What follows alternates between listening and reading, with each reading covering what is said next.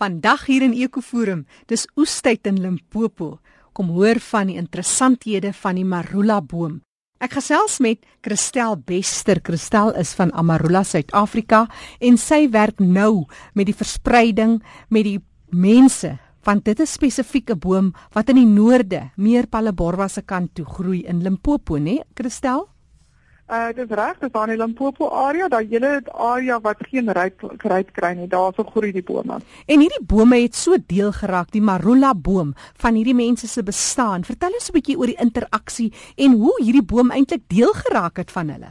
Dit is regtig deel van die mense se bestaan. Hulle werk dit in al hulle goedjies in dit staan ook bekend as die die huweliksboom. Hulle praat ook daarvan as jy enigstens enige gesprekke tussen die families gemaak word oor Lebolla, dan word die besprekings daar gedoen. As daar enigstens goedjies is oor ehm um, oor as jy as jy kinders verleen en jy wil graag 'n seentjie hê of jy wil 'n dogtertjie hê, dan glo hulle dan vat jy die die bas van die die manlike boom, jy wil 'n seentjie hê, dan vat jy die bas van 'n manlike boom en maak jy soos 'n tipe van 'n kruie tee wat jy maak, jy kook dit en dan drink jy daai daai mengsel en hulle glo dat dan sal jy nou 'n seentjie hê en dan dieselfde vir 'n dogtertjie. Hulle glo dat dit so is. En niemand is nog teleurgestel nie. Ek sal nie weet jy, dit nog nie kon vertel nie. Dis nog wat hulle kon vertel. Ja. En dan enige onderhandelinge wat hulle sou hê, enigiets in die streke, ehm um, hulle het mos maar nog die leiers in die in die areas wat hulle het, soos wat jy in Engels van sê die chiefs wat daar is wat na die gemeenskap kyk en hulle hulle doen al die onderhandelinge ook en al daai onderhandelinge word altyd gedoen onder die boom. Enigiets wat in die dorp sou gebeur, enige ontwikkelings, alles, alles gebeur onder die boom. So dit is heeltemal 'n integrale deel van hulle bestaan. Ehm um, en natuurlik met die met ons wat nou die die marula vrugte daar kom wat hulle vir ons bring, het dit nou ook 'n inkomste aan hulle gedoen vir 3 maande van die jaar wanneer dit nou oestyd is vir die marula vrugte. En die vrug het ook al geraak amarula. Hulle praat ook nou al van die amarula en nie die marula nie. Hulle praat van die amarula boom en hulle praat van die amarula vrugte. Christel, jy verwys nou na die manlike en die vroulike boom. Verskil hulle ja. grootliks? Die enigste verskil regtig waar is die feit dat net die vroulike boom is die een wat vrugte gee. Albei die bome kry 'n kry 'n blommetjie wat hierso so November, Desember uitkom en dan die die manlike blommetjie is die een wat nou die wat die styf nog gee en die vroulike enetjie is natuurlik nou die enetjie wat gaan ontwikkel in die vruggie. Maar verder in terme van hoe hulle lyk, hulle grootte en daai tipe goed is presies dieselfde. Daar's geen verskil nie. Dat die boom net op die Afrika kontinent groei, is 'n waarheid. Ja. Ja, dit is regtig waar so. Dit kom net in Suid-Afrika voor in die areas hier in in Suid-Afrika en dit is daai hele streek daarso wat wyd is, maar daar's baie bome hoor. Daar's nogal heel wat van hulle. Jy praat ook van die mense van die omgewing sal nie sommer 'n marula boom uitkap of afkap nie. Nee, hulle gaan nie. Dit is heeltemal 'n integrale deel van hulle kultuur tydens oestyd dan het ons versamel punte en hulle weet dan hulle bring vir ons die marula vrugte en ons betaal hulle dan vir die vrugte wat hulle vir ons bring. Ons het nie plantasies vir die marula vrugte nie. Die bome groei wild. Ons het al dit al ons gaan ondersoek al. Daai bome kan glad nie ehm um, geplant word in plantasies en sulke goedjies. Dit werk nie. Ehm um, en ons meer as genoeg van die bome beskikbaar ook. Daar's glad nie nodig vir ons om enige plantasies te hê nie. En ons is heeltemal afhanklik van die gemeenskap om daai vrugte vir ons te bring. En ons het 'n verskriklike goeie verhouding met met hulle. Ons het baie goedjies saam met hulle. Ons het 'n kliniek vir hulle gehelp bou. Ons het 'n paar watergate wat ons hulle mee gehelp het. Ons het 'n klein skooltjie. So ons werk regtig baie nou saam met hulle in terme van wat hulle nodig het. Ongelukkig is oestyd nou net 3 maande van die jaar. Dit is middel Januarie tot middel Maart. Um en dan kan jy ook sekere kere gaan jy miskien in die wildtuin gaan jy geen vrugte kry nie, maar jy gaan weer in die aan die Palaborwa kant is daar weer baie vrugte. So dit hang maar net af hoe die reënval is en hoe warm dit is en so aan. Nou dis nou sulke tyd, dis oestyd daar. Dis eintlik 'n baie arbeidsintensiewe oes uh proses wat daar aan die gang is. Baie arbeidsintensief. Weet jy, ek het die naweek toevallig het ons ons het 'n Amarula kompetisie wat ons gehardloop het vir hierdie jaar en die afgelope naweek het ons nou van die mense tot so toe geneem en ons het vir hulle partjies laat aantrek, ons het vir hulle sak gegee en handskoene en ons het hulle in die veld ingevat en die dames het vir hulle gewys hoe hulle hierdie vrugte versamel en ons het vir hulle die vrugte laat optel. En almal het gesê, "Sjoe, as hulle moet weet dat dit is so baie werk om hierdie goeders te doen en dit is onthou dit is skrikkelik warm daar.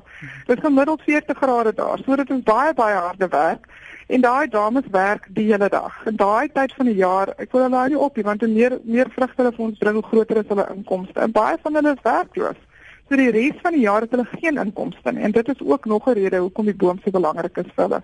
Nou jy praat van die blommetjie wat nou so einde Desember daar is, maar vertel ja, ons net so 'n bietjie oor die oor die blom en die vrug self. Weet jy, die die die vrugte word glad nie van die boom afgepluk nie. As jy die vrugte van hierdie boom sou afpluk, op die op die boom self is die vruggie groen. En as jy die vruggie sal afpluk van die boom af, dan raak hy dood eenvoudig vrot. Hy hy kom on, hy raak glad nie geel en ryp nie. So die vruggie moet fisies van die boom afval. Met ander woorde, wanneer hy reg is om ryp te word, dan wat val die boom om. En dan word daai vruggie word dan actually in die op die grond word hy ryp in die son.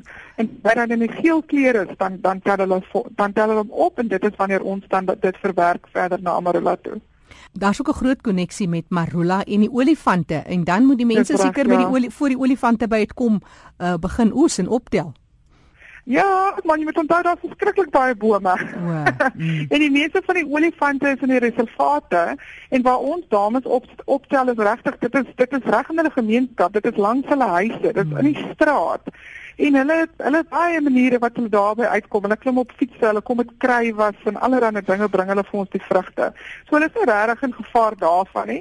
En dit is nie net die olifante wat die vrugte eet nie. Dis al die diere, die bokke eet dit, die obbejane eet dit. Ehm um, hulle dit is verskriklik gewild. Dis die die diere is regtig baie baie lief daarvoor. Kon julle al vasstel van die oudste bome, van die marula bome, hoe oud het hulle geword? Ehm um, ons glo dat van die bome raak so 65 na 67 jaar oud en 'n gemiddelde boom eers so van sy 6ste jaar af begin hy vrugte lewer en hulle sê gemiddeld tussen 500 en 2 ton vrugte per boom. So dis 'n mooi oes. Ja nee, dis 'n pragtige oes daai. Dis hoekom ek sê hulle versamel sommer die vrugte hier om hulle. En is ook 'n mooi boom. Dis 'n pragtige boom. 'n Groot, baie groot skadieboom wat jy heerlik kan ondersit regte die jaar het hy blare ja.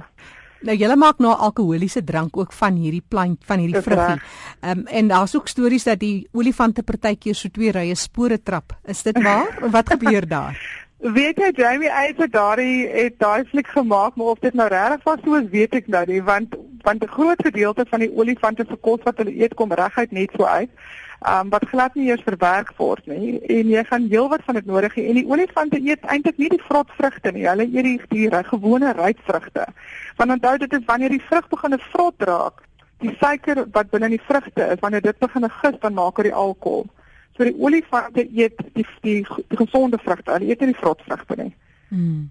So so dit is dis my eintlik 'n groot vraagteken daaroor of dit regtig Ek dink ek dink dit is 'n groot vraagteken maar dit is een van die algemene vrae wat almal altyd wil wil weet. Hulle wil altyd weet is dit regtig so? Ek dink wel ek het dit nog nooit gesien en ek was nou al baie in oestyd was ek nou al daar gewees ek was nou weer daar.